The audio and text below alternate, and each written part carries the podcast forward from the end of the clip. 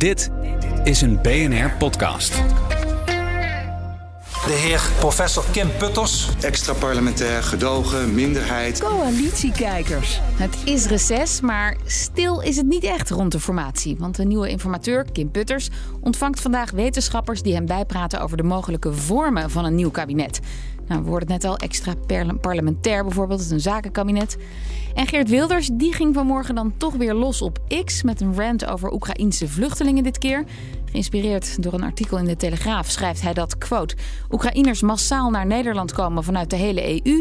Niet vanwege de oorlog, maar voor gratis huisvesting, gratis zorg en onze banen. Nederland is opnieuw de dorpsgek van Europa, zo sluit hij dan af.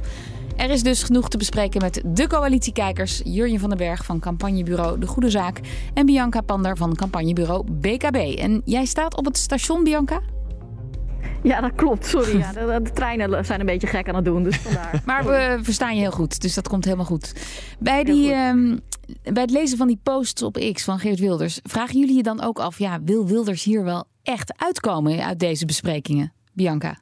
Nee, nee, ja, kijk, weet je wat het domme is? Dit is natuurlijk ook waar het de vorige keer het mis op ging. Hè? Dus dat er zoveel naar buiten werd gecommuniceerd, zoveel via de band werd gespeeld. En dan ook nog eens op dit onderwerp. Ik bedoel, ik snap dat Wilders het doet, want voor zijn achterban is het oké. maar kom op, weet je, Oekraïners beschuldigen van het feit dat ze niet voor de oorlog vluchten, omdat maar hier als economisch vluchteling zijn, kom op zeg. Dan uh, sla je wel een beetje de plank mis en dat is gewoon populistisch naar zijn eigen achterban toe. Ja, maar aan de andere kant, ja, zo twitteren of posten op X, dat hoort bij hem, dat hoort ook bij zijn profiel. Zou die nog geloofwaardig zijn als hij zou stoppen met stoken, ruzieën, naar beledigen? Nee, ja, kijk, dat is natuurlijk waar we het vaker over hebben gehad. De, vraag is, wil hij inderdaad die premier worden? Wil hij, dit kabinet, wil hij een kabinet waar hij uh, de leiding aan moet geven? Want op dit moment, ja, hij stelt zich echt in mijn ogen totaal niet uh, als een premier op. Hè. Dan moet je een beetje boven de partijen zijn, moet je de kalmte bewaren, moet je zorgen dat er ruimte is nu voor putters om zijn werk te doen. En niet de hele tijd voor de voeten lopen door dit soort dingen online te gooien. Ja. En Jurin, dit uh, bericht op X dan vanmorgen was nu geen uithaal naar een van de andere partijen of aan naar een persoonlijke onderhandelingspartner. Maar het is ook niet constructief, zoals Bianca zegt. Uh, moet Kim Putters dat eigenlijk allemaal tolereren? Hij heeft wel iets gezegd. Hij zei: Ik doe een beroep op het gezond verstand, geloof ik, toen hij begon. Um, maar moet hij, moet hij strakke grenzen trekken als het om dit soort berichten gaat, wat jou betreft? Ja, dat is natuurlijk een beetje het gekke van deze fase. Hè? Kim Putters zit op dit moment niet met deze partijen om tafel, maar is eigenlijk zeg maar, eromheen een verkenning naar de vorm aan het doen. Um, ik denk hierbij twee dingen. Eén, Geert Wilders is nog steeds zo zeker van zijn zaak dat hij nog geen concessies hoeft te doen op zijn stijl. Uh, En twee, um, Wilders moet zich ook realiseren dat deze verkenning naar de vorm, uh, als alles goed gaat, betekent het dat er, nou ja, toch voorzichtig aan weer vier weken voorbij gaan en daarmee NSC misschien de druk nog meer voelt en een kabinet ingerommeld wordt. Aan de andere kant hoor je ook wel stemmen opgaan van mensen die zeggen van nou en als het straks op de vorm ook niet kan en we hebben gezien dat het op de inhoud een probleem is, dan kan het ineens heel snel klaar zijn. Uh, dus ik ben het wel met Bianca eens. Als Wilders zijn kansen op het premierschap wil vergroten, moet hij zich anders opstellen. En tegelijkertijd uh, snap ik de, de inschatting die Wilders wel maakt. Voorlopig durft nog niemand een kabinet zonder hem voor te stellen. Nee, maar over de opdracht hè, van Kim Putters. Ja, die, die is dus door de Tweede Kamer gevraagd. Nadenken over de vorm van een mogelijke nieuwe coalitie. Maar dat betekent dat we ook nog uh, misschien weken ingaan dat we, zonder dat we erachter komen of ze inhoudelijk elkaar gaan vinden. Ja, en dat vind ja, ik dat dus een hele cynische, cynische stap. Sorry Bianca. Uh, dat, dat vind ik dus een hele cynische stap. Want als je naar het Kamerdebat luisterde, dan zie je dat er op de inhoud gewoon hele grote verschillen zijn. Um, en dat als je nu weer vier weken over de vorm praat, uh, in ja. die tussentijd komen, komen de partijen niet dichter bij elkaar. Hè? Nee, Bianca? Ja, dit was precies mijn punt. Ik bedoel, het is nu, uh, we gaan weer heel lang over die vorm praten, terwijl het klapt steeds op die inhoud. Dus je zou kunnen kiezen voor een andere variant. Namelijk laten we eerst kijken of er überhaupt op de inhoud iets van een kabinet te vormen is. En dan welke vorm dat wordt. Maar ik heb het idee dat je het nu gewoon weer stuk. Ja, nu ga je een soort verkenning doen naar andere opties. Nou. Uh, op zich goed dat Kim Putters zich daar eens in gaat verdiepen. Zo van wat is er eigenlijk allemaal mogelijk. Hè? Uh, maar aan de andere kant, ja, je stelt nu eigenlijk ook een beetje uh, het, ja, het, trekken van de pleister in één keer. Dat stel je een beetje uit, zullen we zeggen. Ja, maar toch, Jurjen, je kan ook bedenken. Het is eigenlijk in deze eerste fase al best wel over de inhoud gegaan. Want het is alleen niet bij die twee onderwerpen gebleven. Ze hebben ook over veel meer zaken gesproken. Zijn ze ook niet de inhoud voorbij? Weten ze over de inhoud? Op de inhoud gaan we niet deze vier partijen perfect bij elkaar krijgen. Dus dan maar denken in vormen hoe het dan met een beetje gedoogsteun wel zou kunnen lukken.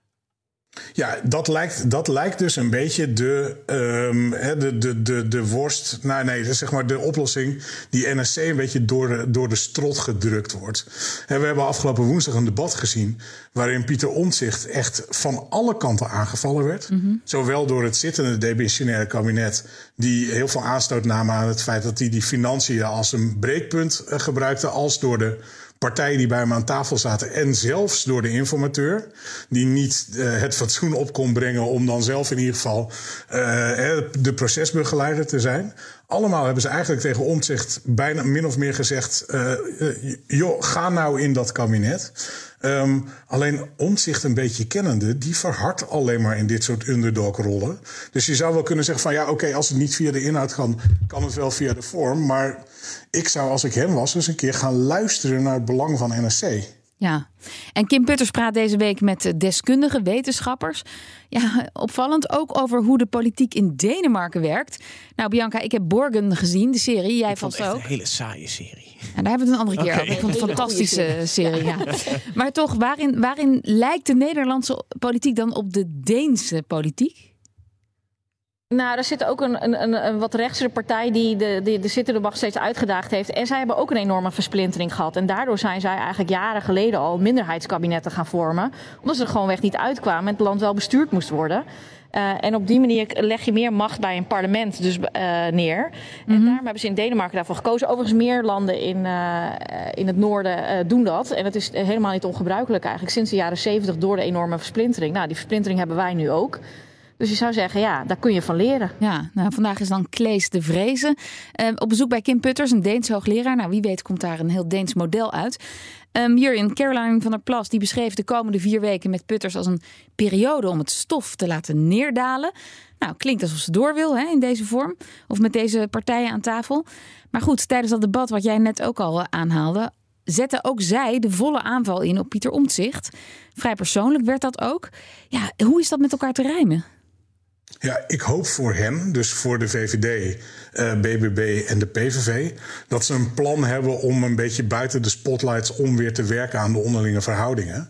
Um, mijn voorspelling is. De, he, de geschiedenis van omzicht kennende en het karakter van omzicht kennende, dat naarmate je meer onder druk zetten, mm. zet, dat hij eerder gaat zeggen: Ik doe het toch niet.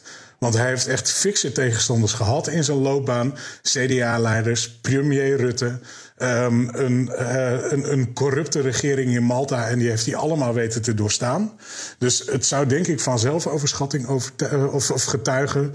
als die drie partijen denken. Uh, we, we rammen die omzicht wel even de formatie in, om het oneerbiedig te zeggen. dus als Caroline van der Plas zegt het stof moet neerdalen. zou ik haar aanraden om dan ook wat te doen aan relatiemanagement. Ja, een teamuitje organiseren. Maar Pieter Omtzigt had met NSC dan ook een, dit weekend of vrijdag was het een, een bij bijeenkomst met de achterban. Er lijkt onvrede te zijn eh, onder die achterban over hoe Omtzigt deze afgelopen weken geopereerd heeft. Maar hij kreeg dan wel weer het vertrouwen aan het eind van de bijeenkomst. Lijkt ook weer een dubbel signaal. Ehm, denk je dat hij zich gesteund weet nu in de formatie? Nou ja, wat, mij, wat, mij, wat mij opviel was dat um, het, op basis van opinieonderzoek zou je denken... de NSC-achterban wil dat Omtzigt een kabinet met deze drie partijen ingaat. Hmm. Als je goed keek naar wat er besproken werd tijdens die bijeenkomst... zag ik veel meer dat wat daar gebeurde was dat dat, dat de aanwezige mensen daar vooral volharden in dat idee... de NSC zit hier voor staatkundige vernieuwing. Um, en dat heeft hij in ieder geval meegekregen. En er is nog wel duidelijk vertrouwen. Dus waar denk ik de drie partijen gedacht hadden... vecht het maar even met je leden uit... en dan kom je met je staart tussen je benen terug... denk ik dat dat niet gebeurd is. Nee. Bianca? Ja, nee, precies dat. Dat, dat er dus eigenlijk ook uh, binnen de NSC eh, verschillende meningen zijn. Hè? Dus de ene zei van, luister, waarom gaan we niet deze kans pakken in het kabinet? En de andere zeiden, hé, hey, we gaan met een partij in zich die eigenlijk tegen onze principes ingaat. Uh, maar uiteindelijk, net als bij de VVD, heeft hij wel het volste vertrouwen gekregen. Dus wat dat betreft staat hij weer veel stevig in zijn schoenen en de onderhandelingen niet gaan komen. Oké, nou misschien dat dat ook de rust ten goede komt. Dan nog even iets anders. Uh, ja, demissionair premier Rutte, die lijkt toch echt een van de belangrijkste kandidaten voor die NAVO-post te zijn.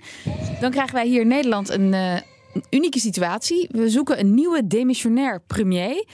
De naam die dan het meest genoemd wordt is die van Dylan Jezelgus. Dat zou de formatie enorm veranderen. Want Ronald van Raak zei ook net bij ons, uh, een half uurtje geleden, dat we dan iemand krijgen die de nieuwe demissionair premier is. Ook nog uh, minister, demissionair en partijleider die aan de onderhandelingstafel zit. Ja, wanneer moet je dan vergaderen? S'nachts aan die formatietafel? Ja, dat wordt bijna onmogelijk. Hè? Maar aan de andere kant, het zou uh, Jezielgus misschien wel net die uh, power geven die ze nodig heeft om uh, dit weer recht te trekken. Maar ja, het wordt heel moeilijk. En dan moeten ze misschien andere mensen naar voren schuiven om die onderhandeling ook te doen. Omdat een premiersrol voorgaat, lijkt mij. Ja, ja, inderdaad. En, en, Bianca, ik hoor op de achtergrond dat al één kind aan het huilen is over hoe lang de formatie duurt uh, tijdens dit gesprek. Ja, sorry. Ja, ja. ja nee. Het gaat natuurlijk nog echt zoveel langer duren dit. Ja, ja, dat is wel het nadeel ervan. Ja, ja Jurjen, dus nou ja, dan is de, even kort samengevat. Dan wordt er nu gepraat in Den Haag over de vorm. En we hebben het over een, een, een poppetje, Jezelgus, maar nog steeds niet over de inhoud. Ja, en dat is natuurlijk heel erg raar. En ook het begint zo rommelig te worden. Ergens een week of zes geleden had, bekroop mij ineens het gevoel.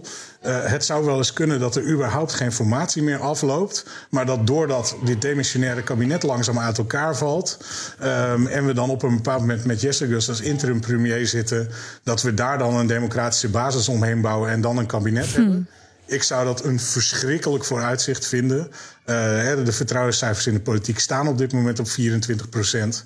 Um, en er moet echt iets gebeuren. En to be honest, mij, uh, mij bekruipt steeds meer de vraag: wie heeft de regie? Ja. Nou, die vraag hebben we dan vandaag ook niet beantwoord. Gaan we volgende week weer doen, want dan spreken we jullie weer. Dankjewel, coalitiekijkers Bianca Pander en Jurje van den Berg. Ook Liesbeth Staats vind je in de BNR-app. Ja, heel handig. Luister live naar Kees en mij tijdens de Daily Move. Dan blijf je ook gelijk op de hoogte van breaking news en het laatste zakelijke nieuws. En daar vind je ook alle BNR-podcasts, waaronder de Perestrooikast. Download nu de gratis BNR-app en blijf scherp.